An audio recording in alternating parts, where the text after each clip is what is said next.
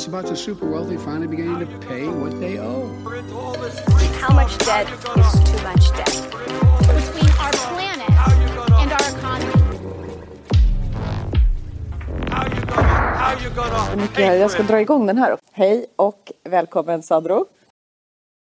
Tackar. Välkommen mig själv och välkommen ni som också följer med antingen via podden som vanligt eller på Youtube där vi idag gör, begår premiär.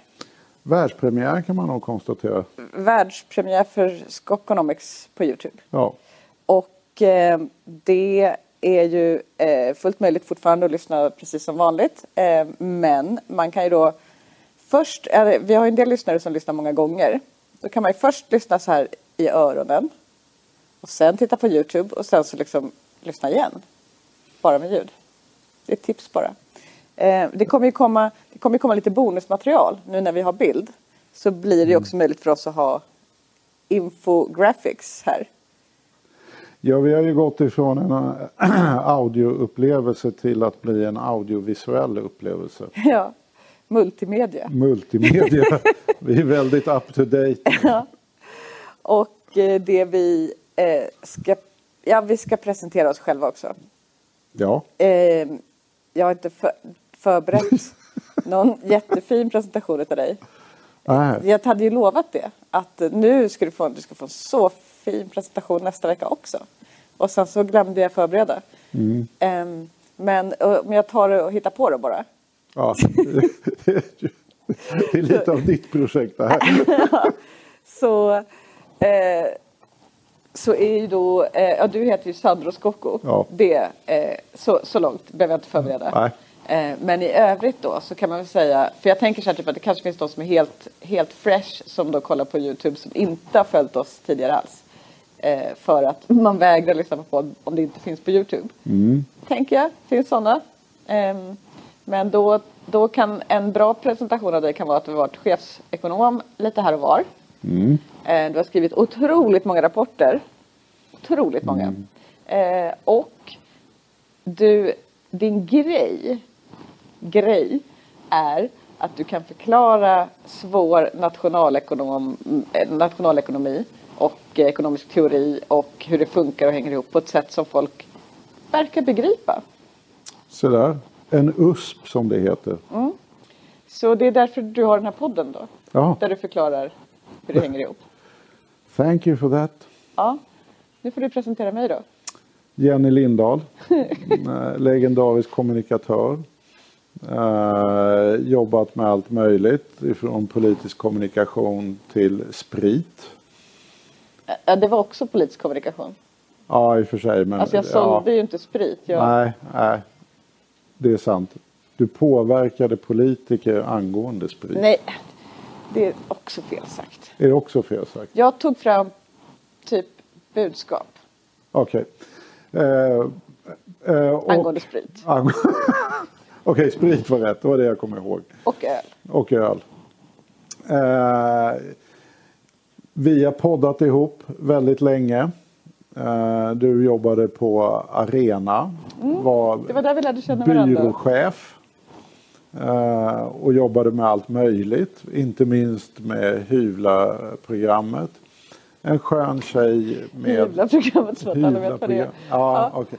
Ja, det handlade Vi behöver om... inte- vi presenterar det en annan gång. Nej, vi presenterar Man ska inte- man ska inte hyvla. Nej, man ska Nej. inte hyvla. Eh, Stopp. Och vi syftar inte på trä, så mycket kan vi ändå ge. Hashtag sluta hyvla kan man Ja, kolla. Obs, något trä. Eh, så inga snickare blir illa berörda. Eh, en skön tjej med hjärtat till vänster. Ja. det var fint. Okej, nu är vi färdiga med det här plågsamma segmentet. Ja. Så, Jag, var- jag vill bara påpeka att jag också var oförberedd. ja, det vart rättvist. Ehm, men idag så ska vi prata om pan- det är så liknande ord. Inte Paradise, inte Panama, utan Pandora Papers. Eh, och den stora läcka som har varit under eh, senaste veckorna, eller alltså det var började väl början på oktober där, så började det, så kanske tredje eller fjärde eller något, så kom det dokument som visade ehm, hur, ja men vi, vi tar det väl i historieordning här. Eh, för att det finns ju en rad kända läckor tidigare eh, som har gått till på ungefär samma sätt. Eh, det vill säga att enorma mängder datafiler läcks eh, som innehåller då i, först, i, i fallet, det var inte det första, det fanns 2006 och 2009 också, men 2013 så kom Offshore Leaks som eh, läckte 100 000 personers uppgifter, 2,5 miljoner register eh, och då från tio olika skatteparadis. Helt enkelt, man avslöjar de hemliga dokument som visar eh, att var de superrika har stuvat undan sina pengar någonstans utan att betala skatt. Så kan man säga. Kan man säga. Eh, och eh, den här läckan 2013 den var ju väldigt stor eh, men inte lika stor som Panama Papers som är ett av de eh, namn som man då tänker på eh, ofta pratar om. Eh, som var det Panama-baserade Mossack Fonseca som eh, var, i det första fallet så var det tio olika skatteparadis med massor med olika liksom. Men i den andra så var det Mossack Fonseca som var en enda byrå som läcktes. Dens kunder då så att säga. Som, där den här, det är ju advokatfirmor som så att säga skapar konstruktioner för att stuva undan pengar. 214 000 företags uppgifter läcktes och 11,5 miljoner register. Eh, och sen 2017 Paradise Papers, låter ju härligt. Eh, som var ett företag som hette Appleby, Appleby som fanns på Bermuda. Eh, och det var 13,4 miljoner register. Um, nu i Pandora Papers så är det inte lika många filer, den som kom nu.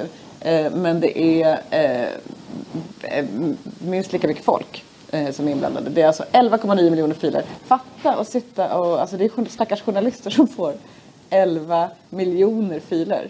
Ja, och det här bygger ju just på att det inte är en journalist utan det här är ju det här internationella eh, liksom grävkonsortiet av journalister. Så det är massa länders Massa länder. journaländer som är inblandade och gissningsvis, så- jag vet inte hur de, vilket format de får de här men eh, man tittar på vad som slår igenom i media så känns det som att man splittar upp det här på någon länderbas. De har fått 6, 6,5 miljoner dokument. Då är det pdf och word och sånt.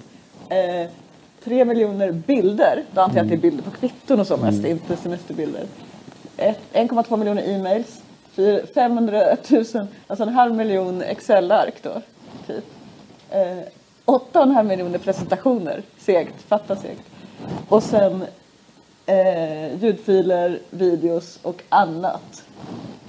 Ja, nej, men det är ju det. Va? Och så splittrar de väl upp det där på något sätt. Att de närmaste berörda journalisterna får ta hand om sina länderspecifika misstänker. Åtminstone blir effekten det. Att det är ju många, många länder nu som har jagat sina rikaste och sina politiker med de som har liksom helt enkelt åkt dit. Och det, vi, vi har inte varit så prominenta men det är ju många länder det här har blivit en um, ordentlig skandal helt enkelt beroende på vilka som har haft fingrarna i syltburken. 330 politiker finns i de här papperna som man har hittat. Det kanske finns fler, inte vet jag. Eh, jag antar att man, för att det- går ju att söka i databasen också som ligger. Den här organisationen ICIJ, de, Ja, där ligger alla filer uppe och det är det här samarbetet mellan Ja. journalister. Precis. Där kan man också söka i databasen, man måste ju veta vad man ska söka på. Man kan inte bara söka på, tyvärr, svenska politiker. Nej. Då dyker det inte upp. Eh, Men det är minst 330 politiker som är eh, inblandade. 35, vi- ja, vi ska kolla på eh, sittande statsöverhuvud, alltså de som är president eller premiärminister eller så. Ah, inte premiärminister, president eller kung. Kung. Exakt.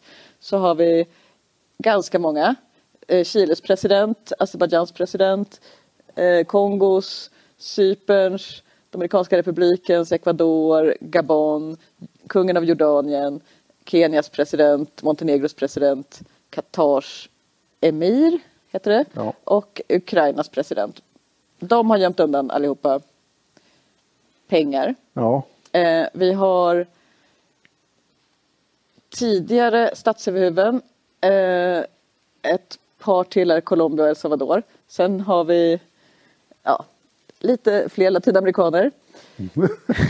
Jag måste säga, Viss överrepresentation onekligen. Bara, konstigt.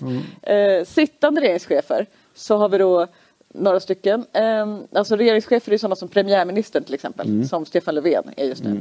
Eh, sen har vi också tidigare regeringschefer och eh, sådana som alltså har... Ah, vad händer med klickandet där? Okej, nu kommer den här straffa sig och klicka tillbaka. Vi får se. Eh, jag sa ju det. Tony Blair läggs ner. Ja, han, han har verkligen inte haft en bra resa kan man väl konstatera efter han avgick. Eh, han är ju, ja, jag såg en uppgift på det, han, han är väl en av Englands mest hatade eh, män. Alltså det börjar ju med det här med Irakkriget och så vidare som inte var särskilt populärt. Eh, och sen har det ju rullat på den ena så att säga skandalen efter den andra som han har varit inblandad i. Jag tror vi här i Sverige har ju fortfarande liksom de som nu minns honom att ja, men han åkte runt och var hipp och var New Labour och sådär. Men eh, hans varumärke är inte gott kan vi säga i England och det blev knappast bättre utav att han nu köpte ett stort hus av dessutom en annan sån elitfigur. Eh, och köpte det då i form av, vilket är sådär lite listigt då, eh, i form av ett brevlådeföretag istället för att köpa huset. Och då undkom han, om jag inte missminner mig nu, 4 miljoner i fastighetsskatt igenom. För många länder har ju fastighetsskatt. Då, många, det här, jag vet inte om Tony är lite sur över att han aldrig hade behövt köpa det här brevlådeföretaget i Sverige. Nej. Eh, Men nu lever han ju i England där de har fastighetsskatt och eh, så han sparade helt enkelt massa pengar. Men det ser ju naturligtvis sjukt illa ut med hans ställning att göra sånt här. Sen är det liksom mängder av ministrar eh, och om vi sen går ner på nästa nivå, politiska rådgivare och en helt, helt gäng av Trumps rådgivare till exempel som är med på listorna. Eh, men det skulle inte liksom gå och, eller ja, faktiskt så hängde sig hela min dator när jag försökte lägga in Jaha, alla. de alla liksom typ kändis, eller alltså alla så här Ja. prominenta namn. För då var det så här, eh, jag menar bankchefer och institutionschefer och sånt också. Men ehm, det har ju varit ett händelseförlopp där det har fått enorma, vad ska man säga, skalv i världen. Särskilt då kanske i de länder som eh, har, jag menar som Tjeckien till exempel. Där har vi Tjeckiens premiärminister som ett slott tror jag han hade faktiskt. Gömt. Ja. Och det vart ju, Gömt, det låter lite... Han hade faktiskt gömt ett slott ja, eh, slottet i var, stod närheten säkert fullt synligt. Det tror jag med. Det ligger också i närheten av Cannes. Så det var inte riktigt vilket slott som helst utan det är väl ett av de dyrare slotten i världen. Och han hade då gömt undan ägandet utav slottet så att Ja. säga, i ehm, de här papperna. Och eh, det här tajmade ju jättedåligt för honom eftersom det var val i Tjeckien. Precis. Och han förlorade han sen. förlorade. Eh, så att det Nu får hör, ju... nu hör ju till historien att han kommer ju kanske inte behöva eh, gå utfattig ur det här därför att han är väl eh, ja, fjärde rikaste personen i Tjeckien. Så att han, att, Mm. inte jätteöverraskande att en sån person har fingrarna i syltburken, tyvärr. Om det går dåligt kan han sälja slottet. Då kan han sälja. Jag tror inte han behöver det faktiskt. Men däremot så är det ju lite roligt att ett flertal av de här nu som har åkt dit har ju alltså haft valplattformar som är antikorruptionsvalplattformar. Det, det är en av deras största profilfrågor. Vi ska rensa upp, det gäller till exempel Ukraina, det gäller till exempel Tjeckien och så vidare. Eh, För det här är också populister så att säga.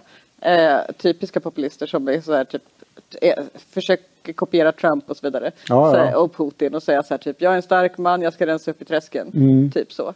eh, så att retoriken, jag fattar varför de har tagit den men de gör ju ingen vidare riskbedömning när de själva har korruptionsproblem. Nej, eller det, nej.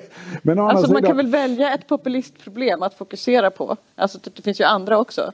Eh, det finns andra frågor än korruption. Att men de har säkert slängt in lite invandrare i det Säkert. också. Men ja precis, för det kanske är någonting de själva kan komma undan med och inte vara i alla fall. Ja, jo, jo det, jag håller med. Det är en viss riskutsättning. Men här tycker jag det finns en väldigt intressant aspekt på hela den här problematiken. Att även när jag pratar med människor som eh, är, ja, har, har beröringspunkter med sådana här frågeställningar då är de ju helt öppna med att den risk man löper är inte överhuvudtaget från skattemyndigheter eller rättsvårdande myndigheter utan risken är enbart att man ska hamna i en läcka. Mm. Och, och det kan man ju tycka är ja, lite försvårande för vårt rättssystem helt enkelt. Att det är de facto journalisterna man är rädda för, inte mm. Skatteverken.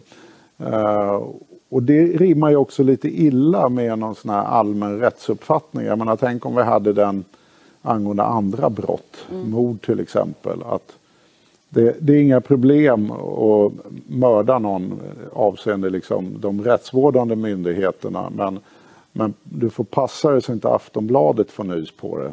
Mm. Uh, och det är den riskbedömningen sådana här individer gör.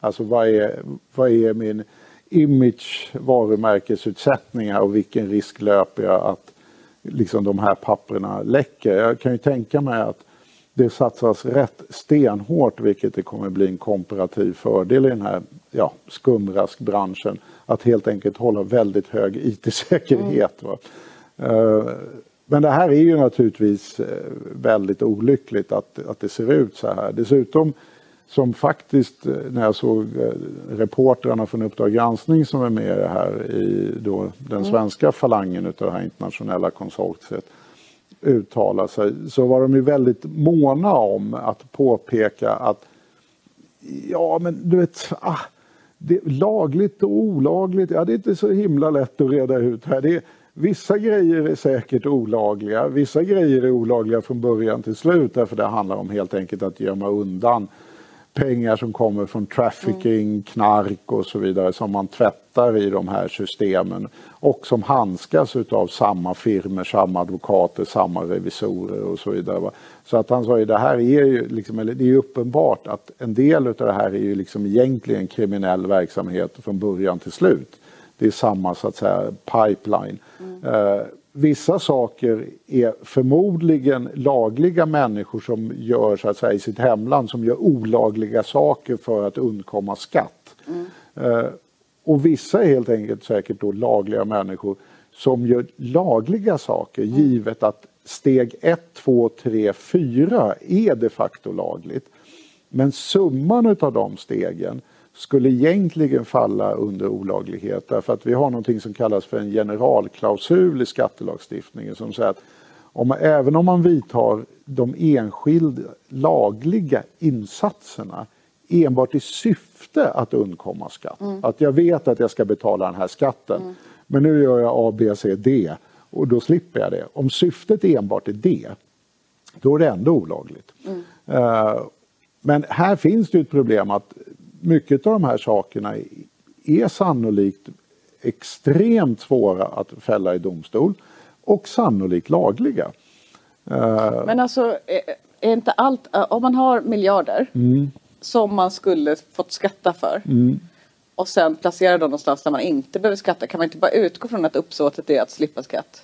Ja, fast det där är ju bevisbörda på också. Alltså, det kan man göra men om till exempel om du har ägt ett bolag utomlands, du ska sälja en del av bolaget, man delar upp bolaget och säljer det och så vidare.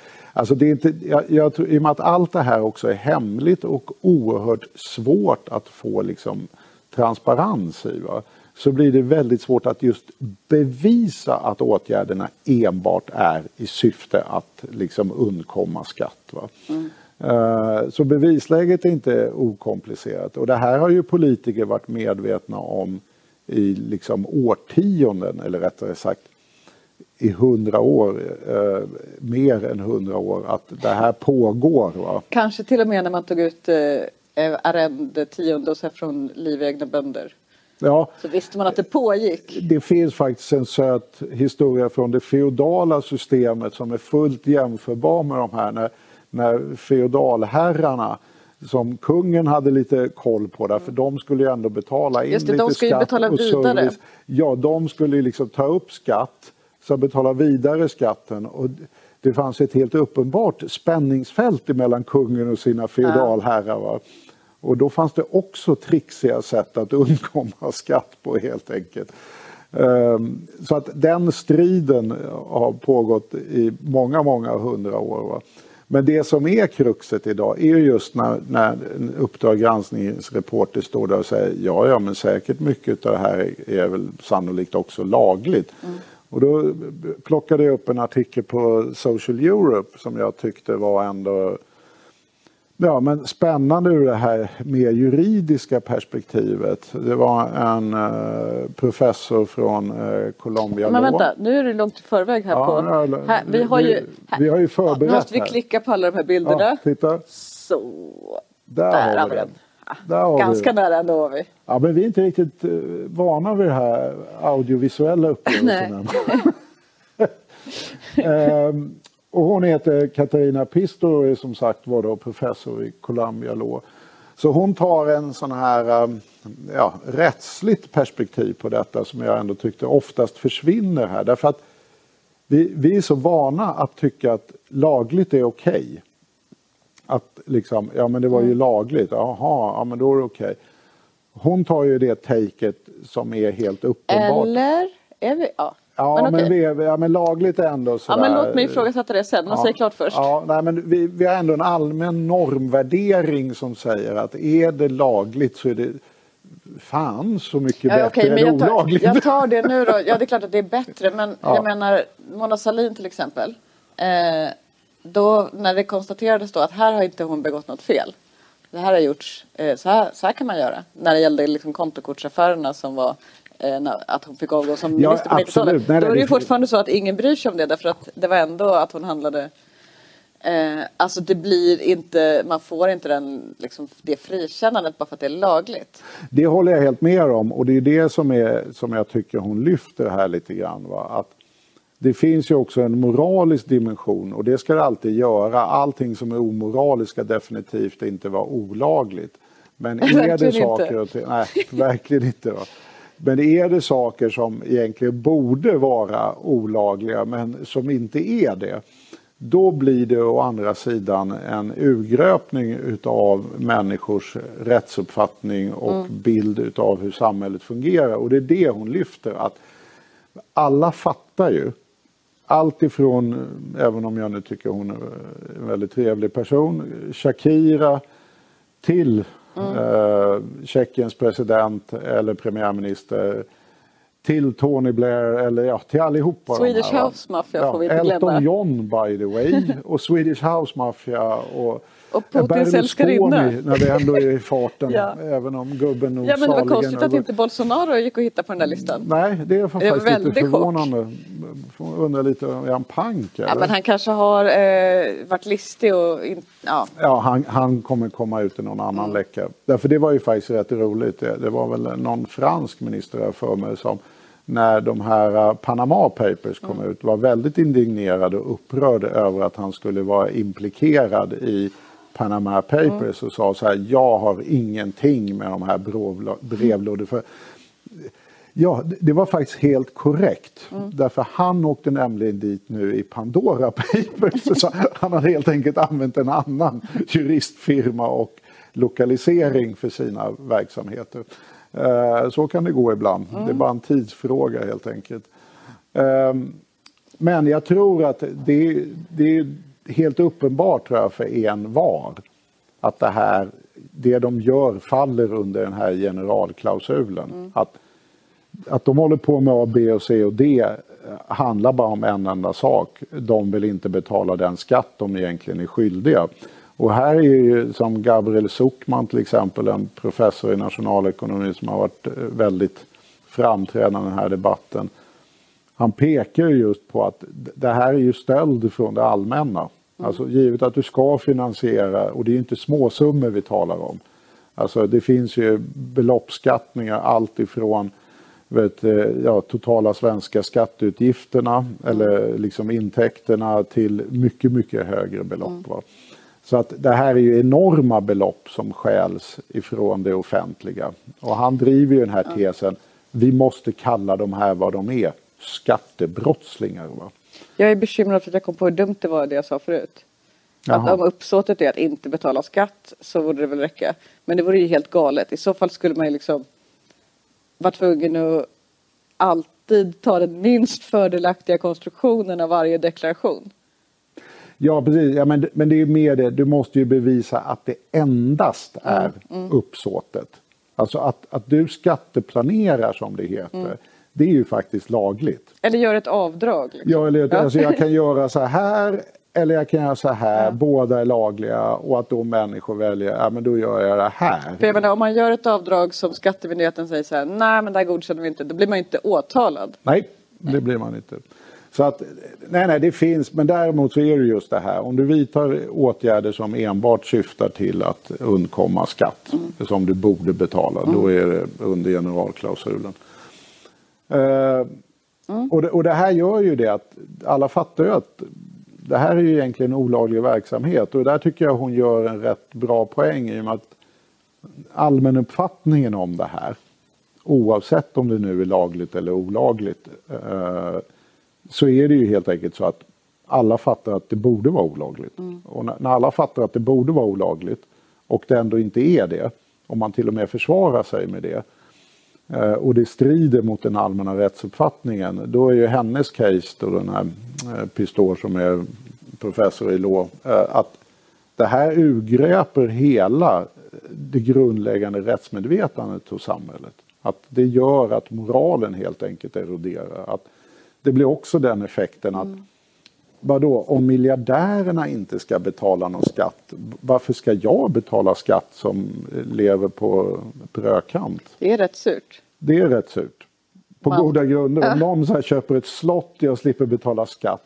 Ja, men om så man är det lite irriterande. liksom eh, jobbar på lager, tjänar 24 000 i månaden och betalar, liksom, då är det ju ganska, det hade varit skönt att ha kvar de där 5 000 eller vad det kan bli som man betalar i skatt då. Ja, men det, det finns ju nog många, både då ur ett juridiskt allmän perspektiv, att vi borde nog se till att det som folk uppfattar uppenbart olagligt är olagligt och att människor faktiskt blir lagförda för det.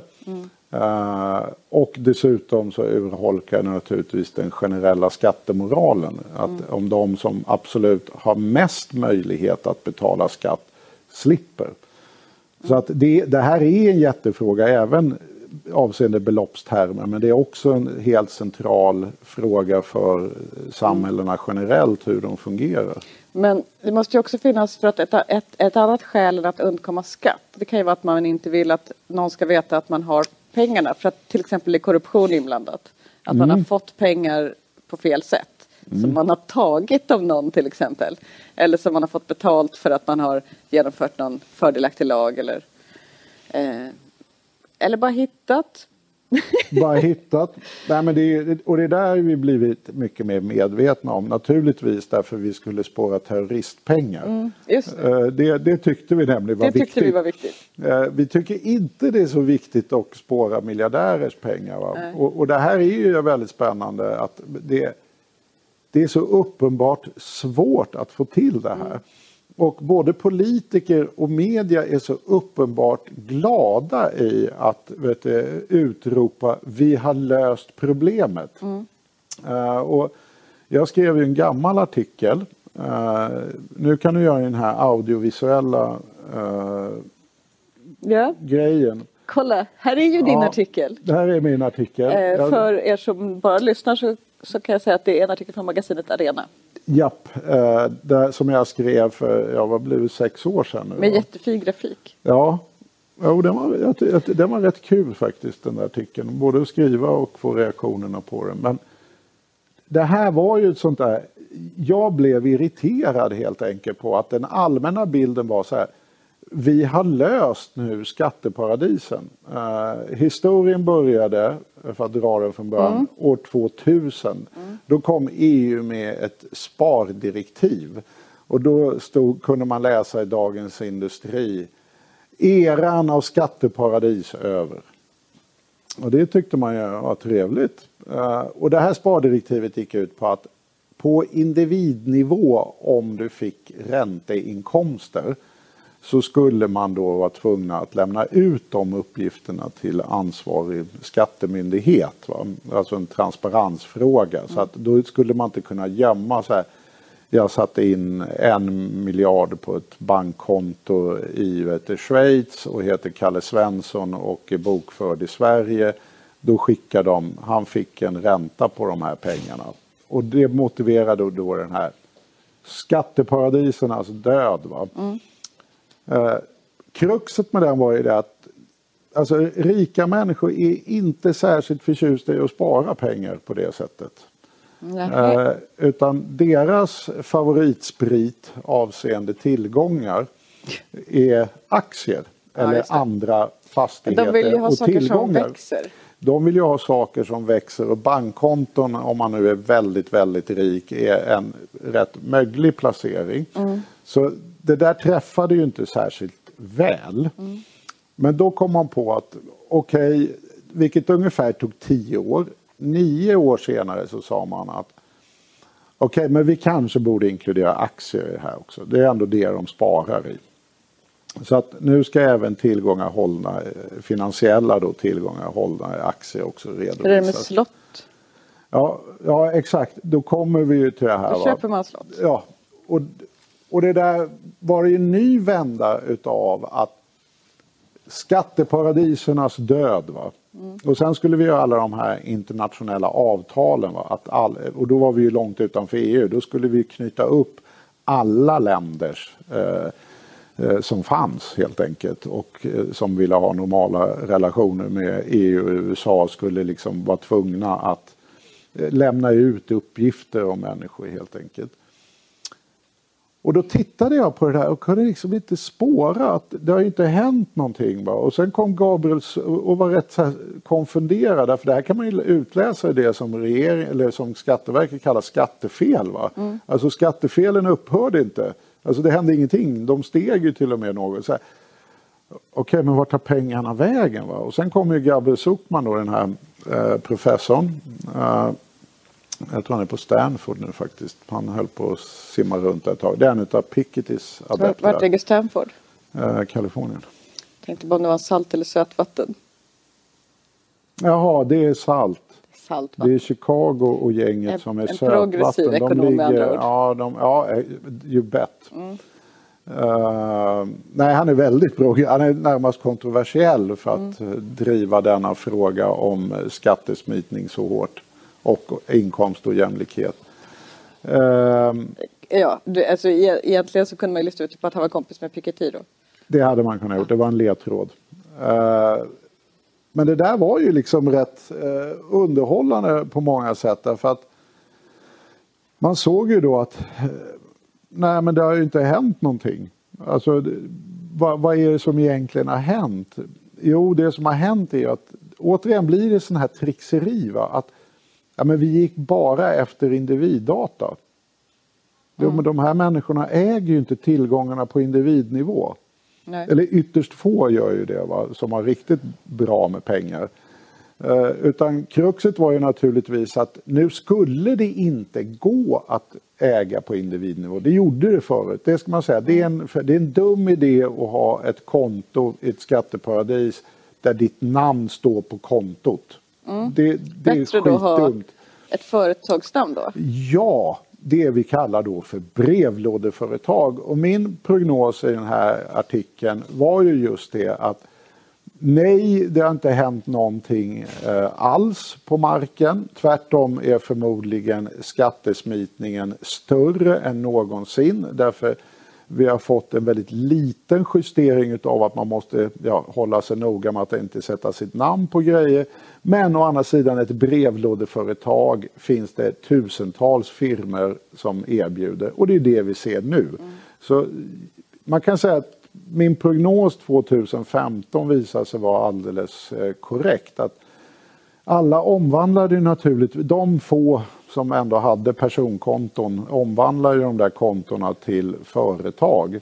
Mm. Det jag hade fel i var ju det att jag ändå bedömde att då kostade det för sex år sedan att omvandla det här i de här juridiska strukturerna med hjälp av både jurister och, och revisorer. Mm. Alltså man var tvungen att ha lite schysst med stålar. Alltså de här halvrika de, de åkte nog ut där. Va? Alltså, mm. Man råkade bara ha någon mille på någon schweizisk bank så var det inte riktigt lönt. Plus att vi hade ju dessutom avskaffat förmögenhets, fastighetsskatt, eh, arvsskatt och så vidare. Va? Så att det var ju rätt trevligt att vara rik hemma. Man behöver helt enkelt inga brevlådeföretag så man kan säga att prislappen för att vara skattesmitare gick upp och prislappen Mm. för att vara rik gick ner i Sverige. Det gjorde att folk flyttade hem. De här halvknösarna Mm. eh, fick helt enkelt ihop ekvationen och flyttade hem pengarna istället. Mm. Då anmäler man skattefel och så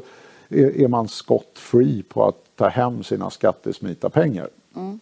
Eh, Och då det- anmäler man skattefel. Ja, man, man gör en självanmälan att det här har varit lite tokigt. Men är det ingen som då Sorry. frågar hur kan det komma sig att du har de här Nej, miljarderna? det är trevligt bara. Så det, det bråkar vi inte med. Alltså jag förstår att man vill skapa incitament för att folk ska göra det, Ja, det och inte det, känna ja. liksom problem. Men alltså, om det är tillräckligt höga belopp då kan man tycka att det ändå borde Nej, man får nog, eh, det- känner jag inte till, men jag tror inte det finns någon beloppsgräns. Okej, men ska ska vara tyst om det här för att om det ska genomföras så är det bra att vi genomför det i hemlighet. och sen slår till. Exakt. Eh. Nej, men det, nej, men, och vi fick ju in lite flöde där när de där reglerna ändrades. Va? Eh, Men det, det som framkommer nu i de här Pandora Papers då. Det- är ju det att, vilket är ju marknad, utbud och efterfrågan. Va? Det är att den där relativt höga prislappen för de här konstruktionerna, när efterfrågan ökade på brevlådeföretag så kom det ju naturligtvis in fler aktörer. Så att min bild nu är att den tröskeln, att nu kan man nog faktiskt vara bara halvknös och ändå skaffa sig ett brevlådeföretag. Prislappen helt enkelt på den här typen av konstruktioner verkar ha fallit. Eh, Så att det är positiva nyheter till alla skattesmitare. Men bara av rent privat intresse då? Mm, ja, in, jag trodde, Eh. beroende på vad du har sagt tidigare trodde jag verkligen inte du var i situationen att du hade pengar liggande om jag ska vara ärlig. Men Nej, men som du vet jag är också lite av en prepper aha, så om du får pengar. Om jag skulle vilja, om jag skulle vilja undanhålla skatt, eller säga, undan, om jag skulle vilja gömma pengar av annat syfte än undanhålla skatt. Alltså att jag vill gömma de här pengarna för att jag vill fly landet om fascisterna tar över. Får jag det då? jag vet att du inte är liksom jurist, men Nej, och jag är vare sig jurist eller revisor eller fråga- skatteexpert. jag ska fråga en jurist då. Ska jag ändå fundera på det så skulle jag väl säga att eh, Nja, du, om jag skattar för pengarna du- och sen gömmer dem. Ja, men man får nog inte generellt givet att du är bokförd i Sverige undanhålla tillgångar du har. Förmyndarsamhälle alltså. Ja, det är lite det faktiskt när det gäller pengar. Mhm. Eh, så att, men det där kan vi grotta i om du Men känner. vadå, alltså Bitcoin till exempel. Det är ju till exempel just en sån sak som handlar ju i väldigt hög olagligt? utsträckning om kriminell verksamhet. Nej, men de är inte spårbara. Nej, men jag menar, för det är ju det sätt jag kommer på att man kan.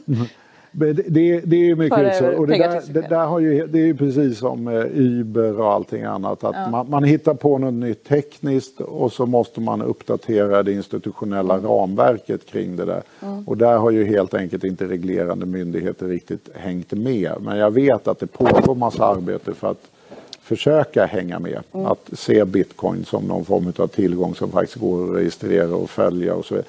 Men den stora attraktiviteten med bitcoin är ju just det också. Jag, jag såg någon uppgift med vilka är det som använder bitcoin och transaktionsvärdet på bitcoin är ju väldigt hög utsträckning kriminell verksamhet helt enkelt. Och, och det förstår jag därför att om du håller på att skicka pengar mellan banker Hur får de in dem i bank? Alltså jag menar de, ja. De måste ju ändå få upp dem till bit. Alltså måste Nu köpa. frågar du mig saker på detaljnivå. Jag inte, jag tänker är vare sig ett- kriminell, knarkkung eller någonting. Man kan väl inte köpa bitcoin med cash liksom, tänker jag. Eller kan man det? Eh, Kanske finns någon snubbe, man går till ett bitcoinväxlingskontor som ligger nere i hamnen i de skumma kvarteren.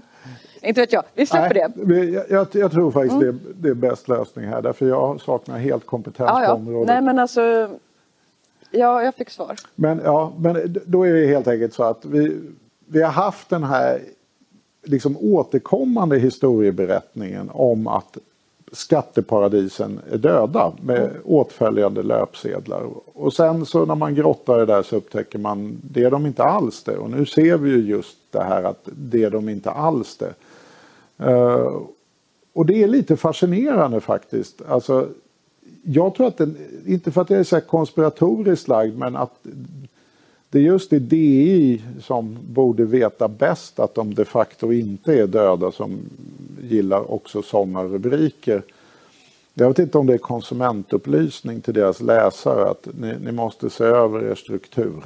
Mm. Uh, men de har definitivt inte dött. Och, och då kan man ju undra lite varför är det så svårt att, ta död på dem om de nu liksom jämt mm. dör. Mm. Därför att den politiska enigheten bland liksom, ja, tunga politiska aktörer världen över är ju entydig. Vi gillar inte skattesmitare. Det är Nej. jättedåligt. Eh, så det borde ju inte vara så svårt att sätta ett gäng tunga maktspelare i samma mm. rum. Förslagsvis EU, USA, Kina och några till och säga att eh, låt oss göra någonting åt det här på riktigt som faktiskt löser problemet. Mm. Och det är ju inte sådär jätteknepigt. Äh, återigen Zuckman då som forskar i de här frågorna har ju rätt enkla lösningar. Äh, det han inte svarar på, vilket jag måste nog ändå påpeka, är om det nu är så enkelt, varför händer det inte? Och det var det jag tänkte jag skulle försöka svara på. Därför det är hans lösning. Är så ja, men det räcker ju med att vi upprättar ett globalt tillgångsregister. Mm. Alltså att alla måste rapportera in registrerade tillgångar i sina egna länder. Uh, och att man sen vet du, har de här som ett information automatiskt, vilket är hans poäng. Mm. Det är återigen så här, the devil lies in the details mm. i det här systemet. Va? Uh, och det vill man inte, eller Nej. det är ingen som gör.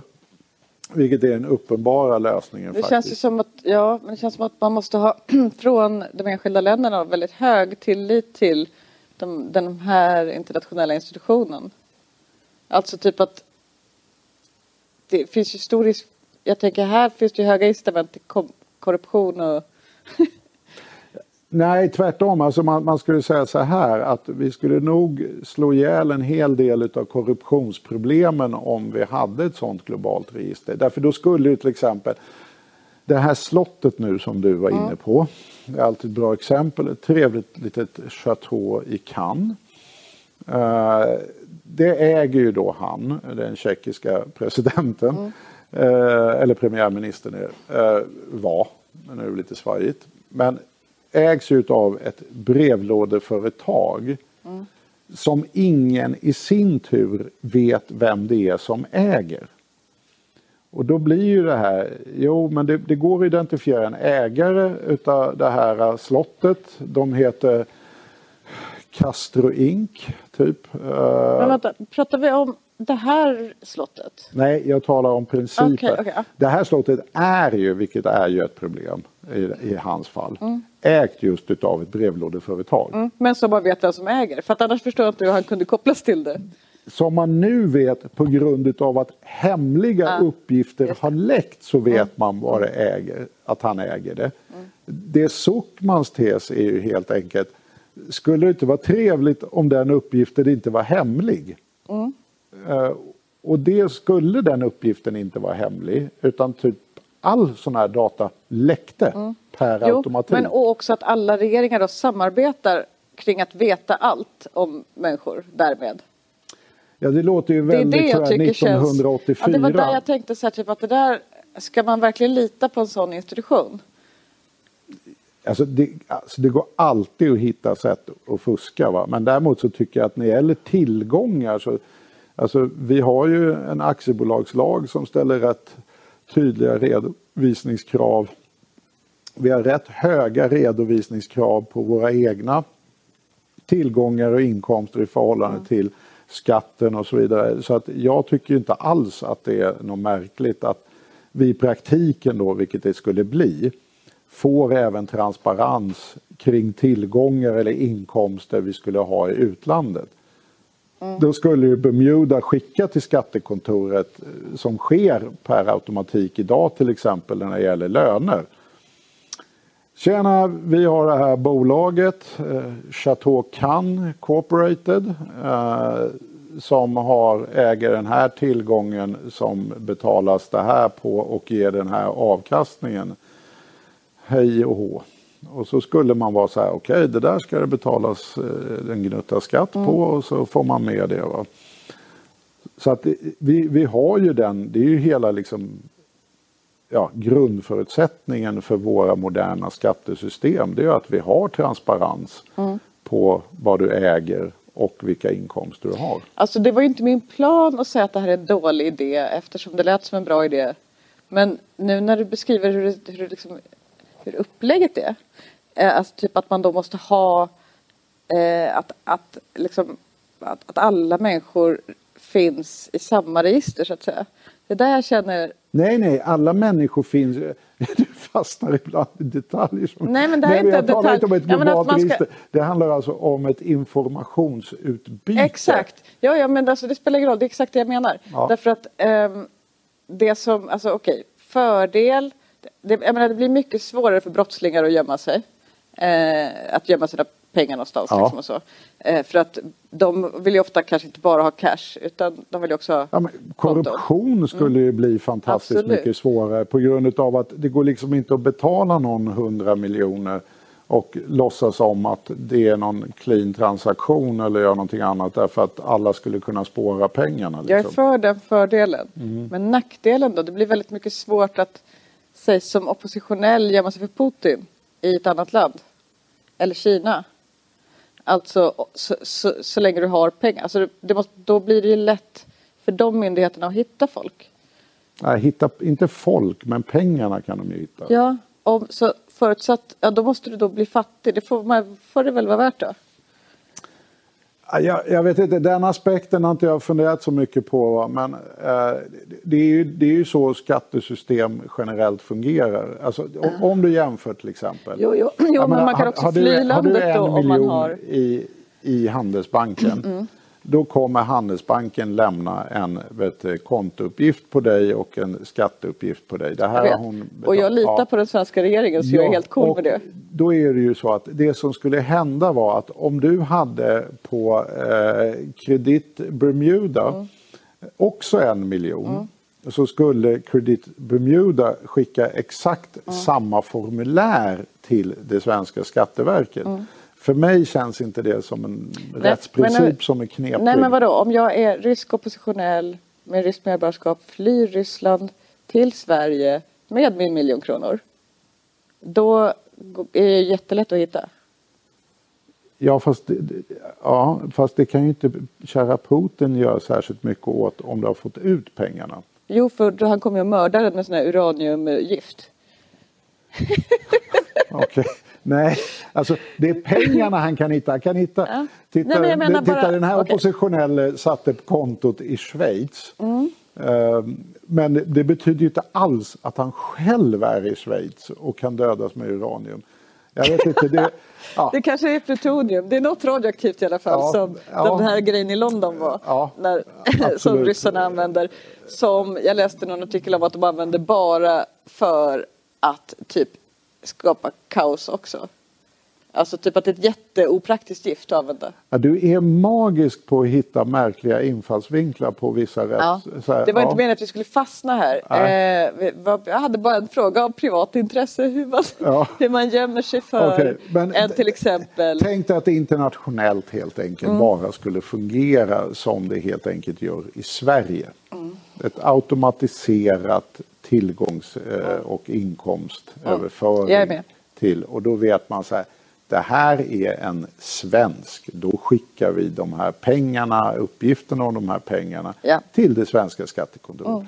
Det är en relativt självklar, relativt otekniskt mm. komplicerad övning och så vidare.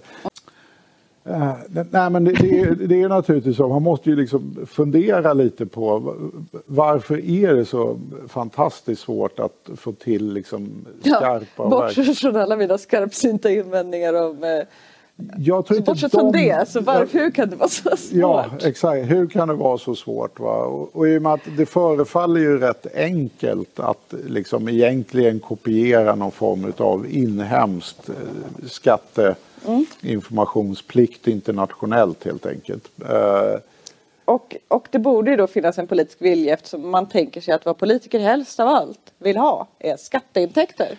Och det är inte bara det, alltså det, det finns inte ett enda land i världen som eh, har en toppolitiker eller, en, eller någon premiärminister eller president som på minsta sätt skulle första, försvara skattesmitning eller tycka att det var liksom ja, hedervärt att smita ifrån skatten. Va? Utan alla är ju naturligtvis Kanske Trump. set.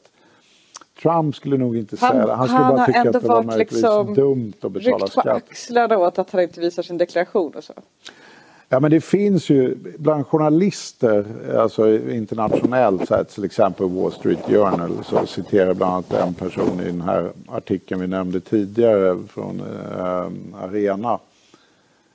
Där han driver ett väldigt spännande case om att eh, det är minsann inget fel att undkomma skatter utan det omoraliska är bara skatterna är för höga och att de här personerna är by the way inte särskilt rika och egentligen smiter de inte från skatter för de betalar ju ändå andra skatter.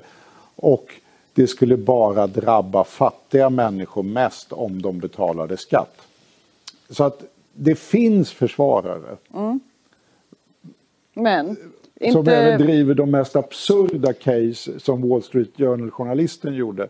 men inte Main bland Street, politiker. eh, Main Street eh, som då försöker också få väljare. Han är rätt körd ett på det. spår. Ja, han gör det. Va? Och det gör man ju från höger till vänster. Eh, att det här är ju dåligt och det här måste vi få liksom ordning Man kan väl också säga att ibland använder ju högern till och med det som argument för varför man ska sänka skatterna. För att då kommer man få ökade skatteintäkter eftersom det då blir, alltså till exempel RUT. Ja. Eh, om vi sänker, eh, om, vi, om vi gör så att man får dra av hushållsnära tjänster då kommer folk börja betala skatt på de tjänsterna. Nu gör de inte det och så vidare. Ja, fast jag skulle inte ens säga att det är det som är det huvudsakliga. Utan det huvudsakliga är ju tvärtom att det är ingen idé att ha de här skatterna. Därför det är så lätt att smita ifrån skatten. Så att skatterna är i praktiken verkning, verkningslösa. Det har ju gällt arvsskatten, förmögenhetsskatten, gåvoskatten och så vidare. Fastighetsskatten är väl det enda de inte riktigt har lyckats pinna in i den lådan. Men, så att det, det är ju ett, det är ett jättebra argument för dem eh, att säga att det här finns. Så att i så här, politisk retorik så är det helt enkelt väldigt bra att de finns för det, den politiska inriktning de har. Därför det ger dem en ursäkt att det är dumt att ha kapitalskatter därför det gör bara att folk smiter. eh, Och sådär. Så att det, det finns ju. Men jag, jag tror inte det är därför det, det liksom saknas skarpa åtgärder om man tittar internationellt. Därför att det här är ju Alltså, saker. och det är inte bara som, får jag bara säga, det är inte bara som argument utan där har ju du förklarat någon gång för mig alltså att det sker ju också. Ja, det vill ja, säga vi, självklart. om jag skulle vilja att vi hade högre skatter på, på kapital och på de rika så kommer det ju få konsekvenser så att säga. Mm, ja, men det är, alltså skattesystemen är ju en kalibreringssport. Mm. Va? Alltså, och vissa argument har ju en viss eh, liksom, giltighet. Det finns en slags Lafferkurva där kanske på superrika då. Nej men det, det är ju helt enkelt på så hur mycket, hur mycket alternativ har människor att motagera på det du gör. Va? Och det, ett sånt tydligt exempel är ju, egentligen skulle vi vilja ha tusen spänn i vet du, skatt på ett paket cigg. Därför statens preferens är att rök inte därför det kostar massa sjukvårdspengar och du dör i förtid och det är dåligt på alla möjliga sätt. Va? Och då skulle man ju tycka att det var rätt oproblematiskt egentligen att damma på hur mycket skatt som helst. Vi försökte, gjorde ju något sånt litet blir det försök. smuggling. Ja. Nu då kommer vi in på det som jag jobbade med när vi pratade om sprit och öl. Ja, Nej, men det är ju det. Va? Nämligen att liksom, det, ja precis, Eh, det finns ju skäl även för de som vill ha en restriktiv och nu sitter jag alltså inte här och lobbar för tidigare uppdragsgivare. Men jag menar, det här är samma skäl som det finns för de som också vill ha en restriktiv alkoholpolitik. Tänker du skicka räkning nu? Nej. Nej.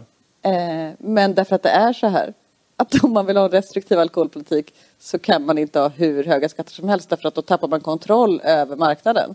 Därför att den då blir svart och säljs på gator istället för Nej, på men det var ju systemet. det som hände. Man gjorde ju en skattehike på både cigg och sprit. Eh, och som är naturligtvis då väl motiverad utifrån folkhälsoläge. Men det gjorde ju också att vi fick en hel del bakluckeförsäljning Mm. av både sprit och cigg. Eh, Ett bra men gulligt exempel är Island. För där hade man eh, inte bara höga skatter, det har man fortfarande, eller det vet inte jag, det hade man även när jag var där. Eh, men utan också väldigt hårda, alltså man hade förbud mot olika, väldigt länge förbud. Så vid något tillfälle så legaliserade man typ vin eh, i utbyte mot ett fiskeavtal med Frankrike. Eh, vid något tillfälle så legaliserade man liksom öl. Så, så när jag var där, då var så en stor stark lite nytt i Reykjavik. Eh, wow. så att, men det har ju då lett till att dels att det finns en hembränningsindustri som har alltså labels och eh, så. Eller alltså en illegal industri. Eh, men också att alla då, så här, det här var ju ett tag sedan, men att man då har en fickplunta med sprit när man går ut. Ja, Alla har det. Och sen, så, så att man behöver inte ens gå på krogen, man kan bara stå ute på gatan i korsningen där i Reykjavik och bara halsa. Så gör folk. Sådär. Mm. Ja, jag har aldrig faktiskt varit där men det hade jag faktiskt ingen aning om. Det är coolt. Det är alltså. Reykjavik är coolt, inte av det här skälet utan Nej, det. men det är coolt. Eh, nej, men så är det ju. Va? Att liksom, Lafferkurvan är ju världens största snömos och dumhet. eh, är det. Eh, som drivs utav bara, tycker jag, oseriösa högerekonomer. Liksom. Ett av de populäraste av alla avsnitt vi gjorde på Arenagruppen. Eh, det om Lafferkurvan. Ja, men ma- man ska ju inte landa ifrån att det är det dummaste som någon har sagt till att man inte får effekter utav eh, någonsin utav att använda skattetabellen för att hantera problem. Va? Utan det är ju så, man måste ju alltid beakta vad händer om jag gör det här.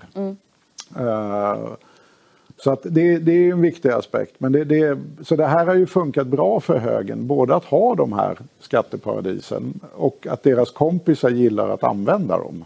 Eh, Så kan man väl uttrycka det. Så att det, det, är en rätt bra, det är en rätt bra deal där va. Alla tjänar och Tony Blair får lite eget. Han kan lägga ut skatteparadis. Ja, och där blir ju då problemet här va. Att finns det några strukturella saker man kan peka på?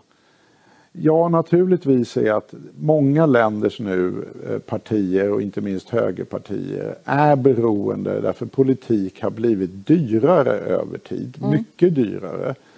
Eh, och man behöver helt enkelt ordentlig finansiering. Och då har vi den här Ben Elliot som faktiskt låter lite så här Ja, en amerikansk hedgefondsnubbe men han är faktiskt väldigt nära släkt med prins Charles och, Charles och Låter ju En som den där gammal- ungen som är son till en gruvarbetare men vill dansa ballett. Ja, exakt. Det är lite den feelingen. Men det, är he- det ger helt fel feeling.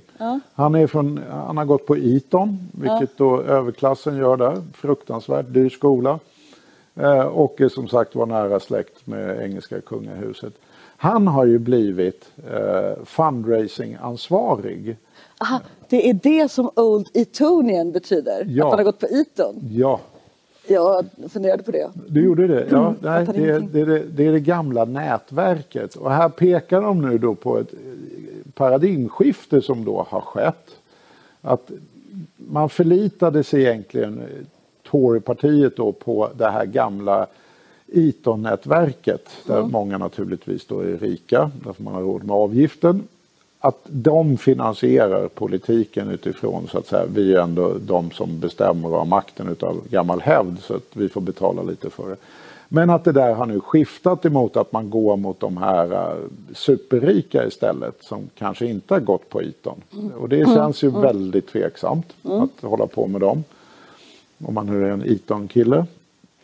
Men det kruxet är naturligtvis att de här har ju då inte kanske sällan pengarna just på sådana här ställen. Och Det här heter ju då i England eh, Cash for Access. Och det är till och med så att de anordnade ett advisory board. Bara bestående utav människor som ja, hade gett massa cash och det här är rätt betydande belopp de ger. Alltså det är inte fickpengar. Och, eh, och finansierar Tories politiska verksamhet.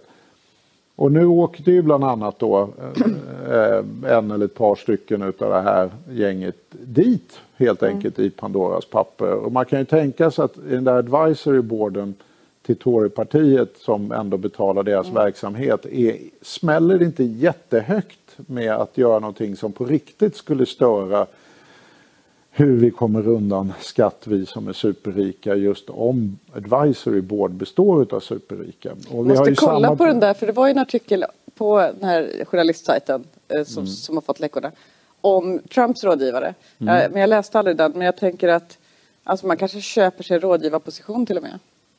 Jo, jo, men alltså du, du, jag vet inte om Trump tror jag så spontant älskar detta att man behöver nog inte ens ge honom rådet att inte vara negativ mot skatteparadis. Nej, han älskar ju det, men jag menar, det kanske finns något annat han ogillar som de här superrika vill. Ja, jo, det, det har ju varit några sådana här snarare superrikas clash i USA där superrikas egenintressen har krockat mot varandra och han har stått i mitten. Men just i den här frågan är de nog väldigt eniga. Va? Så att det finns ju helt enkelt, jag menar Tjeckien till exempel kommer inte vara särskilt positiva till lagstiftning som leder till att man kraftigt försvårar för sig själv som Nej. premiärminister.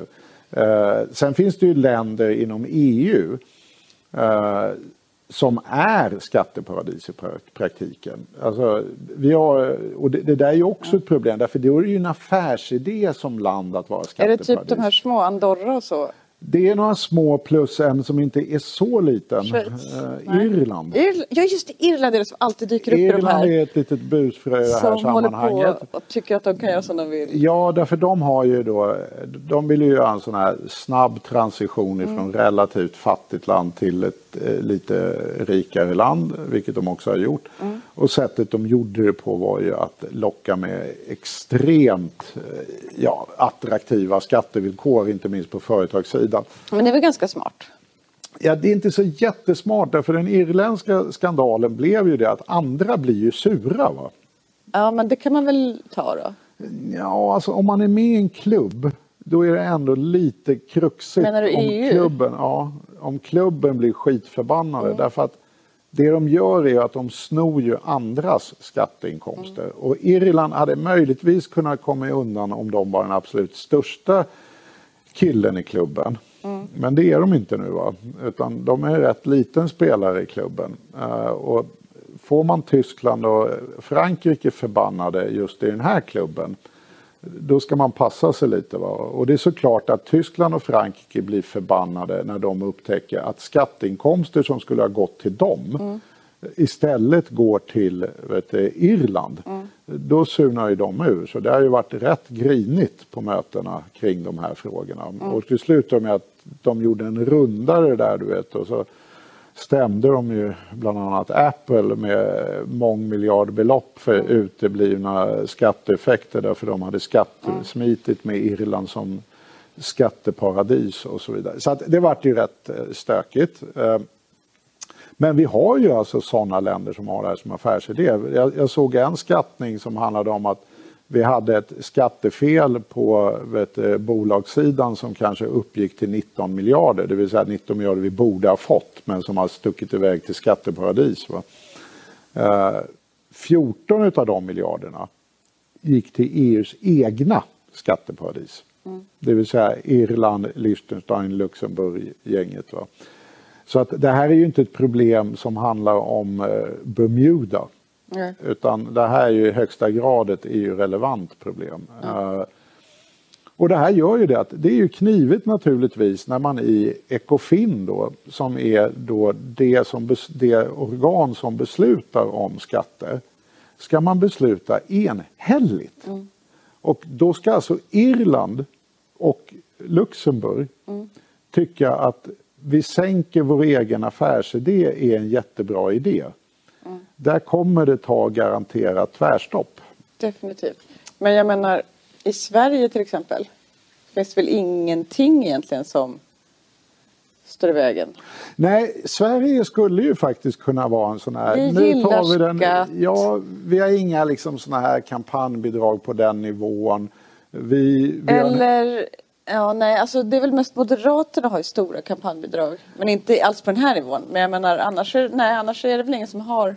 nej, det, jag skulle inte säga att det är den typen av problem som både England, bitvis Frankrike, men de trixar ju en hel del med det, men eh, framförallt USA har i sina politiska system av att pengar in och snurra har ju inte vi alls. Va? Eh, Även om vi har lite sådana problem i kanten. Men, Det är lite crowdfunding. Ja, men, jo, men visst, det, är liksom, det är såklart Moderaterna får bidrag från näringslivet och ha en liten edge på det där. Liksom. Men det är verkligen inte på den nivån. Nej. Men däremot så rika har ju. Moderaterna, som vi var inne på tidigare, har ju faktiskt, om man nu ska vara lite krass och inte så politiskt korrekt, så är det bekvämt att det finns eh, liksom, skatteparadis utifrån det här funktionella perspektivet. Då kan man säga att det är ingen idé att ha kapital och tillgångsskatter därför att då smiter bara folk. Så att den, de, de fyller ju en funktion i deras politiska retorik. Den andra delen är ju att det, det är också deras kompisar som har de här. Det är ju inte så mycket liksom S och Vs eller MPs väljare tror jag som har sådär jättemånga brevlådeföretag även om det kanske finns någon. Va? Så att jag, jag tror att högern traditionellt, då skulle man ju mer se det så att de har en motvilja mot att vidta skarpa åtgärder på det här området. Och det, det levererade Anders Borg på. Eh, han var inte pigg på åtgärder som skulle kunna ha effekt. Han skulle definitivt bli vansinnig på Zuckmans krav på automatisk informationsöverföring internationellt. Det, det skulle han tycka var världens sämsta idé. Uh, därför då får vi ju faktiskt reda på vad folk äger och har. Um, däremot så är det ju så, i och med att vi har då med jämna mellanrum även socialdemokratiska regeringar och finansministrar, så tycker man ju att här har vi ju förmodligen en förkämpe. Och här blir det lite lustigt och märkligt faktiskt. Eh, Oxfam gjorde ju en rapport eh, som du har fått upp lite snyggt här Den bakom. ligger där ja. Eh, Och för er som, för er som lyssnar på podd så missar ni i det här fallet absolut ingenting. Nej. För det är en ganska ful framsida. Men ja, Ja, det, det står för mig. Ja, ja. det står för dig. Eh, men det här, den försiggick faktiskt Oxfams rapport utav en stor granskning i Svenska Dagbladet. Eh, och rubriken på det är Så försvårar Andersson kampen mot skatteflykt. Och det här är återigen... Och det är Magdalena Andersson Det är som Magdalena. Andersson, det är alltså den eh, socialdemokratiska finansministern. Och det här är ju det som är så tråkigt med de här eh, liksom, eh, frågorna att the devil verkligen lies in the details. Va? Det, det går inte att vara så här elpriset stiger. Liksom, eller jag är emot det här. Ner med bensinpriser. Alltså det, det, det här är liksom juridik, administration och så vidare på en hög nivå där man måste verkligen fatta vad som händer. Typ EUs spardirektiv från 00. Nej, det kommer inte funka. Ja, det låter som det kommer funka, men det är ju bara på individnivå och de gillar ju egentligen andra tillgångar. Okej, vi petar in de andra tillgångarna. Nu har vi löst problemet. Nej, därför det är fortfarande bara på individnivå. Folk med riktiga stålar har ju grejerna i brevlådeföretag och vi har ingen aning om vilka de är. Och så vidare. Va? Så det, det, det, det kan alltid låta så otroligt bra. Alltså lite faktiskt fenomenet miljarder till offentlig sektor. Att oavsett om det är borgerlig eller höger eller liksom eh, vänsterregering så kan man alltid slänga ut sig massa miljarder till offentlig sektor. Huruvida det sen betyder att massa människor måste sägas upp eller inte, det är väldigt oklart. Därför även i ett läge där man säger jag gav ju 3 miljarder mer så betyder det att det ger inte ens kostnadstäckning för löneökningar. Så i praktiken är det en kraftig minskning av resurserna till offentlig sektor Också true story. också true story. Men det gör ju att ibland är det svårt att få grepp på. Men, ja, men vad betyder det liksom? Och här är vi inne på ett område där det är på gränsen till obegripligt vad det betyder. Eh, men då finns det ju ett antal saker som har varit uppe uppe i EU som verkligen inte är en kiosk, kioskvältare ja, medialt helt enkelt. Eh, en sån fråga det handlade ju helt enkelt om vet du, det här som man kallar för offentlig land för land-rapportering. Du hör ju redan där hur du börjar liksom hetsa upp dig. Uh. eller? Nej? Jo? Ja, du ser bara bekymrad Nej, men alltså, det, det det går mm. ut på är helt enkelt att man skulle tvinga multinationella stora företag. Jag tror att gränsen var 7 miljarder och sånt där. Så det, det är inte några pluttar här utan det är ju folk med ordentliga revisionsbyråenheter mm. och så vidare. Eh, de stora multisarna skulle helt enkelt vara tvungna att offentliggöra eh, sina transaktioner så att man såg vad de gjorde. Mm. Och att varje land skulle visa hur de här transaktionerna såg ut. Men hur är det med i Sverige till exempel? Om man har, kan man, är det inte så att de måste det på grund av Skatteverket så begär till exempel? Det är helt riktigt. Skatteverket kan ju ha tillgång till de här uppgifterna mm. men de är ju inte publika. Alltså folk, alla ska se det, smutsiga byk här? Ja, det Taskigt. handlar väldigt mycket om att tvätta byket offentligt. Mm. Och då är vi inne på den här andra delen som jag tycker är då lite olycklig därför att eh, här är det ju någon som har snäppat som har kommit på den här lilla idén att de är nog mer rädda för journalister än de är för våra rättsvårdande myndigheter. Mm. Så att låt oss ge journalisterna access till data. Ja, ja, men också om det är lite tveksamt vad som är lagligt och inte så är det klart. Ja, och framförallt om det är djupt omoraliskt men till och med kanske lagligt. Ja, så exakt. kan man till då, är det med, med då kan man till och med få ändrad lagstiftning på det området. Så att, här, det är uppenbart att det är till mm. för att liksom, Ge journalisterna access till datat och så ser vi vad som händer så gräver de nog fram vad de där håller på med. Va? Då var det ju så, Finland var ordförandeland så det här är ett skarpt förslag som många länder är för, inklusive the big ones. Eh, det vill säga Frankrike och Tyskland. Så att det här är ju egentligen, det här kommer ju flyga. Va? Mm. Uh, och EU är en lite för stor marknad för att avstå bara för att man inte vill Ja, ja precis. Nej, nej, men det här skulle man ju kunna få spridning på och så vidare. Mm. Eh, då tas det här upp i någonting som kallas konkur Konkurrenskraftsrådet som är då ett råd med eh, som samma som Ekofin fast inom konkurrenskraftssidan, det vill säga att de tar beslut där som berör konkurrenskraft på EU-nivå.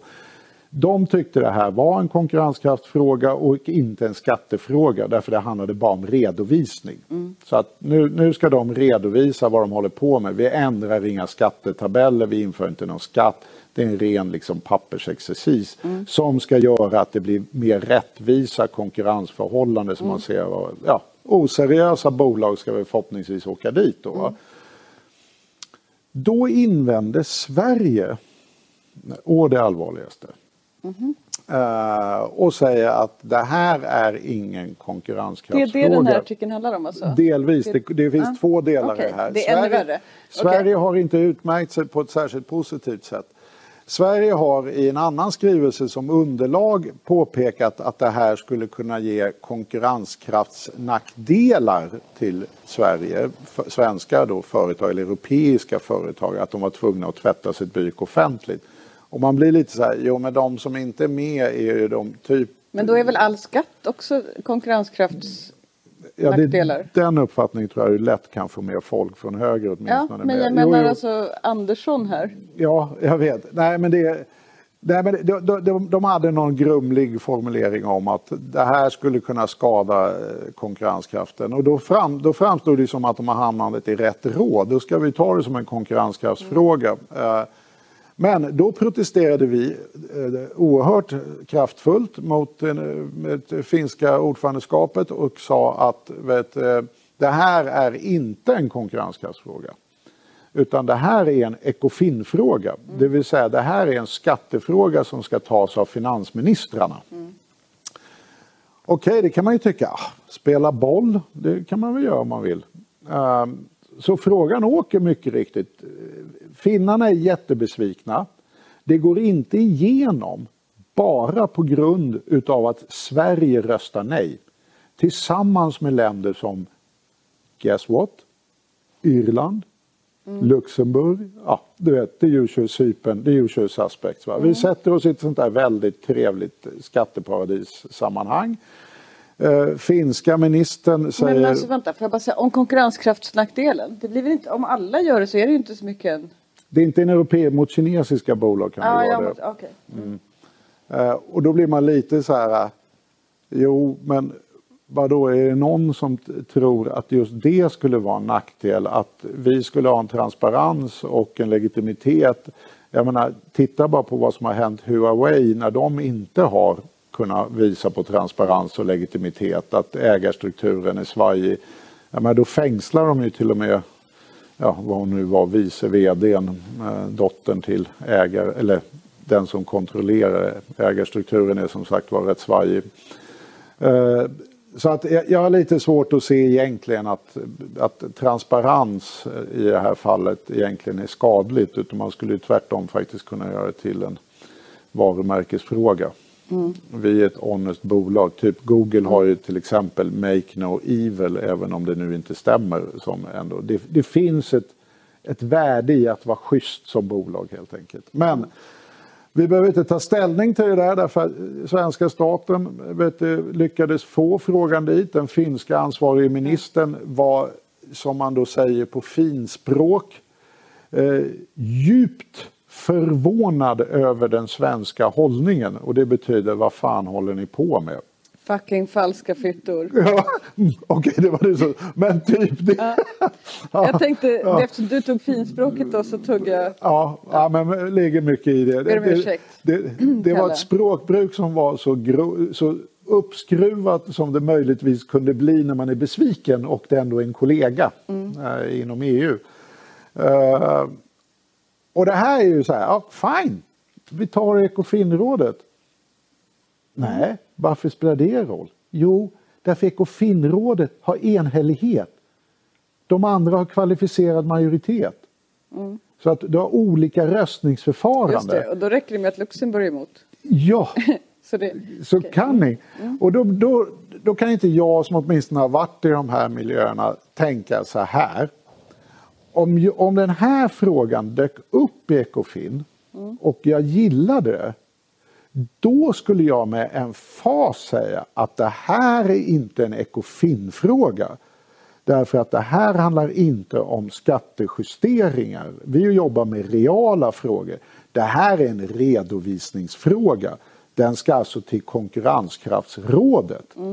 Därför då skulle nämligen Luxemburg och anhang, Inc Irland, inte kunna blockera frågan. Så smart hade man varit om man gillade förslaget. Det svenska finansministern gjorde, som ändå är social, var alltså att när den var på rätt ställe skickade frågan till fel ställe. men du sa också att, Och det kan du sa att det inte var en annan grej också. Ja, sen har vi det här med då, eh, därför man har ju försökt komma undan det här med helt enkelt ökad transparens. Och då finns det ju de som jobbar med det här, eh, bland annat Fonseca då i Panama, men det är ju också alla stora eh, revisionsbyråer jobbar ju med det här. Att skatteplanera helt enkelt. Och där är det ju en gråzon. Vad är lagligt, vad är inte lagligt? Och, och det prövas inte minst. Det var ju hon, den här eh, juristprofessorn som, från Colombia som vi talade tidigare om, Pistol, hon är inne på det att det är en väldigt aktiv medveten strategi från de här. Att man tar någonting som man hoppas på är lagligt för att få det prövat i domstol. Sen lägger massa resurser i domstolen på att trycka lagstiftningen till att bli mer och mer Det är tillåtande. precis som Coop och hyvlingen. Ja, så att det, det är lite, men allting ligger ju där. The devil lies always in details. Va? Eh, och, och det här är ju ett typiskt sånt där exempel då. Men då kom man på det att men skulle det inte vara en smart grej om de som jobbar med de här frågorna, som skatteplanerar åt de stora bolagen, hade en skyldighet att lämna information om de här möjliga skatteuppläggen till olika skattemyndigheter helt enkelt.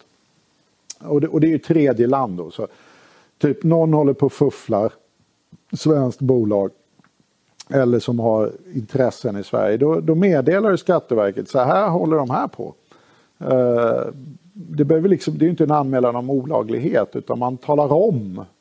Då kan man ju som lagstiftare antingen justera lagen eller säga att det här är okej okay, eller säga att nej men det här är olagligt, nu hamnar ni i finkaburen. Eh, så att det finns ju flera olika handlingsalternativ om du väl har informationen. Mm. Det här gällde ju bara tredje land. Mm. Att Italien skulle lämna till Sverige och Sverige skulle lämna sådana uppgifter om eh, liksom, bolagen till Italien. Väldigt logiskt i någon mening. Va? Då gjorde vi naturligtvis en utredning om detta. Därför vi ska införa, vi har ju skyldighet att införa direktiv som kommer från EU. Nu blev ju inte det här om land till land offentligt. Det blev ju inte ett direktiv. Men det här är ett direktiv. Mm.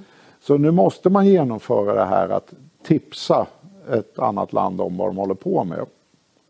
Men vi gjorde en utredning som sa att ja men vad då? Varför skulle det här bara gälla tredje land liksom? Alltså våra stora revisionsbyråer borde ju ha en skyldighet att tala om till vår egen skattemyndighet. Ja, men du förklarar att, för noga du. Ja, okay. Ja, men det här är det details är så här. För att fatta det här så alltså, måste man fatta det details. Men då är, ja, förlåt. Men, det, ja, men det där är, det där är både din liksom tillgång och, och vad heter det? Eh, eh, blessing and a curse. Ja. Um, men, ja, ja. Nej, men du har något, det, det ligger säkert i det. Men i vilket fall som helst, varför inte tala om liksom, för den egna skattemyndigheten ja. vad de håller på med? Och det trodde ju alla skulle bli det svenska förslaget, att det där ska vi göra både hemma och till tredje land. Mm. Liksom. Uh, nej, det strök regeringen hemmafronten mm. i sitt förslag man skulle gå fram Man gick bara fram med EUs direktiv. Mm. När det skulle röstas, röstas om i riksdagen då var FAR som är de som organiserar naturligtvis alla vanliga revisorer men också re organiserar det här gänget som håller på med sånt här. De var så här, nej men det här går inte att göra nu, nu kan vi inte göra. Så att man återremitterade frågan till eh, regeringen att ta hand om. Och vad jag vet så skedde det här 20, va? det är alltså rätt mm. länge sedan. Eh, fortfarande ingen som har hört av sig tillbaka på frågan. Eh, så att det, det är helt uppenbart att vi har inte varit särskilt proaktiva utan tvärtom har vi till och med försvårat. Vi har förstört eller, och fördärvat. Nej men vi har, varit, vi har förstört lite. Där land till land har vi precis. förstört. Eh, och det, det, är faktiskt lite roligt därför att det verkar inte gälla bara Socialdemokraterna i det här avseendet. Därför i den här Oxfam-rapporten mm. Så jag vet inte hur han har som lyckats med det. Som heter, till er som lyssnar, ja, Vill, Sverige, vill stoppas... Sverige stoppa skatteflykten? Skatteflykten. Uh, ja. Där framkommer typ en hjälte skulle jag säga. Uh. Uh, och det är Tony Hadou som är vänsterpartistisk riksdagsledamot. Han nämns vid ett flertal tillfällen här. Och då framkommer också lite roliga saker. Att det här med då land för land har ju havererat i EU-maskineriet emellan två utskott, alltså, eller två råd. Alltså nu tror jag det är återremitterat mm. till konkurrensgränsutskott. Mm. Så Ekofin tyckte faktiskt inte att de hade med saken att göra. Så nu har det hamnat där igen och så får vi se var det landar. Um, men han la ju då ett förslag som framkommer i den här rapporten att, men då borde ju Sverige ha, därför de granskar alla politiska partierna, då borde ju Sverige ha en egen sån här land, offentlig eh, mm. eh, land för landstrategi. Eh, och ta fram hur vi ska göra det här. Uh, och då hade ju de frågat, Diakonian hade ju frågat, som också nämns då i det här, hade ju ställt frågor till de politiska partierna, var står ni någonstans i de här frågorna? Va? Bland annat offentlig land för land. Va? Eh, och då hade ju till exempel eh, C, eh, L, KD var ju för det här. Det här ska genomföras. Därför det är alltid lite där, man vill inte vara för skattesmitare. Va? Men däremot när han tog utskottsinitiativ på det så röstade alla emot utom Miljöpartiet som la ner sina röster. Mm. Uh, varför, varför gjorde de det? Ja, det är lite oklart. att Det var väl roligare att säga att man var för till tidningen än att rösta för det när det väl kom till riksdagen. Men jag förstår i och för sig ännu mindre varför S. Ja, eller alltså varför, ja. Ja, nej, men det är lite sånt här som pågår. Och, Men och det, bra av Tony då? Ja, bra av Tony. Dessutom, Tony har hållit på att jävlas med det här. Han var jätteupprörd när man, den här då som du tyckte jag förklarade för länge, om att man ska tala om sina snikiga skatteupplägg för varandra. Eh, då var han ju den enda som gick ut och som också framkom här, var upprörd över att man inte genomförde den här lagstiftningen. Eh, och dessutom var upprörd över att man inte köpte utredningsförslaget att man faktiskt också skulle ha det här internt i landet, inte bara så att säga som ett eh, utbyte. Eh, och han har hållit på att jaga Magda och ställa frågor om vad som hände och så vidare.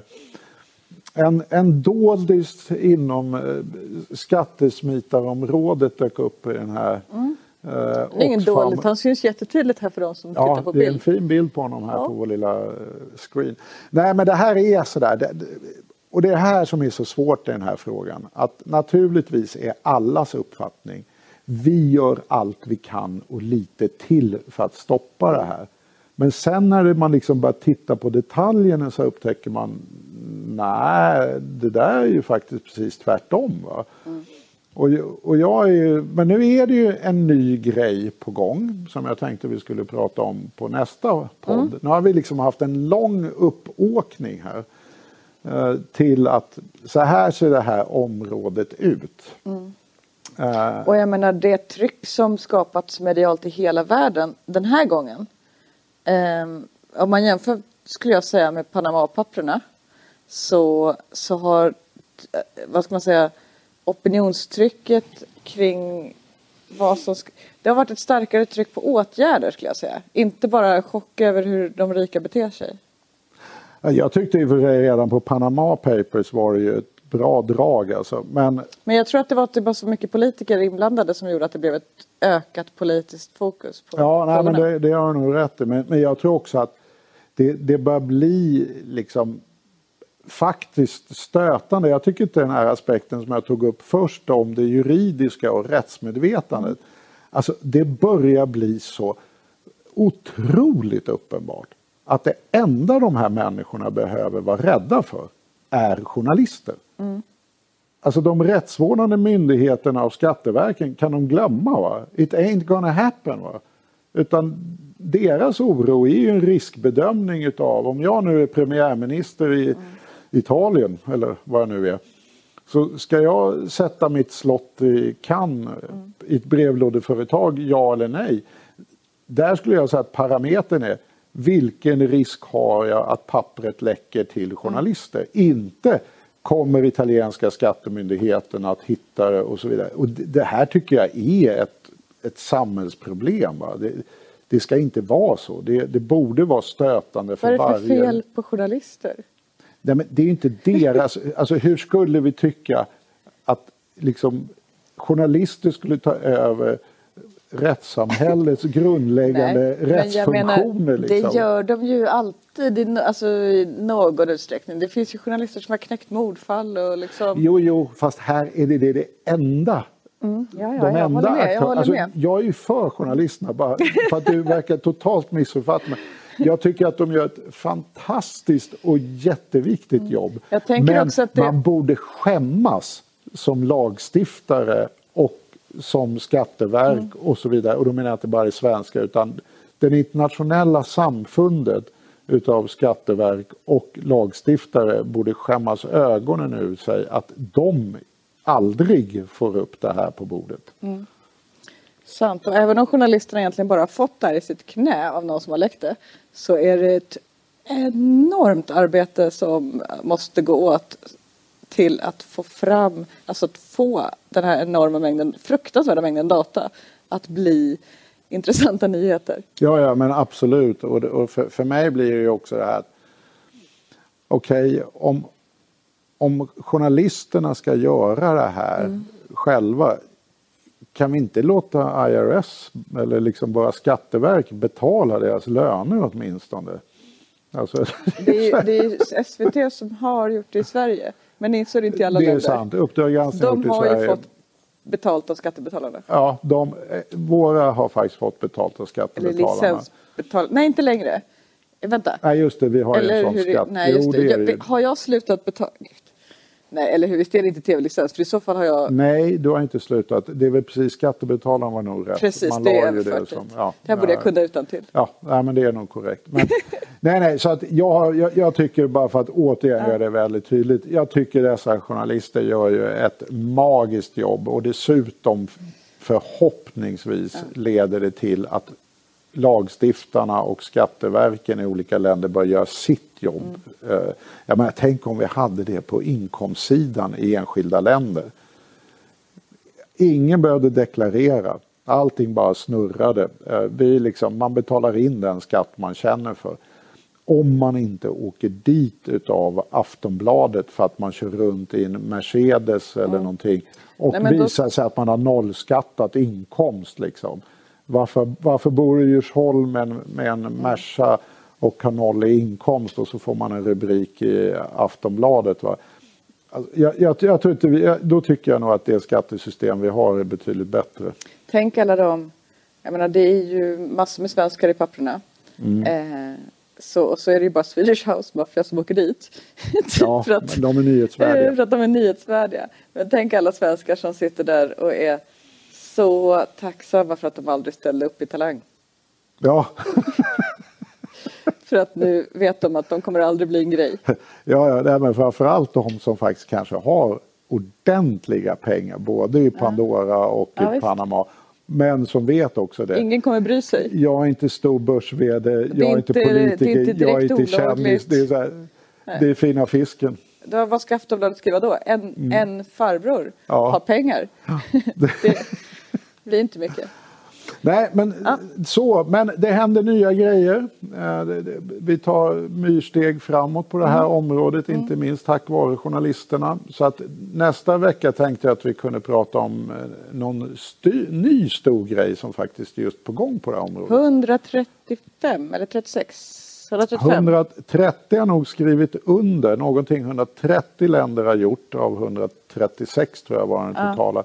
Några håller fortfarande på att klia sitt huvud en del. Irland bland annat som vanligt kliar sig i huvudet.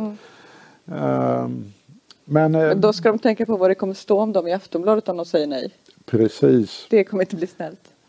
det kommer inte bli. Men Ja, det pratar vi om nästa gång. det gör vi. Huruvida vi kommer till rätta med det här eller Ja. inte. Eller åtminstone delar av det.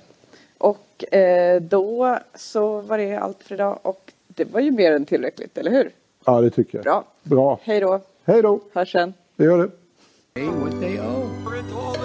How much debt is too much debt? Between our planet and our economy.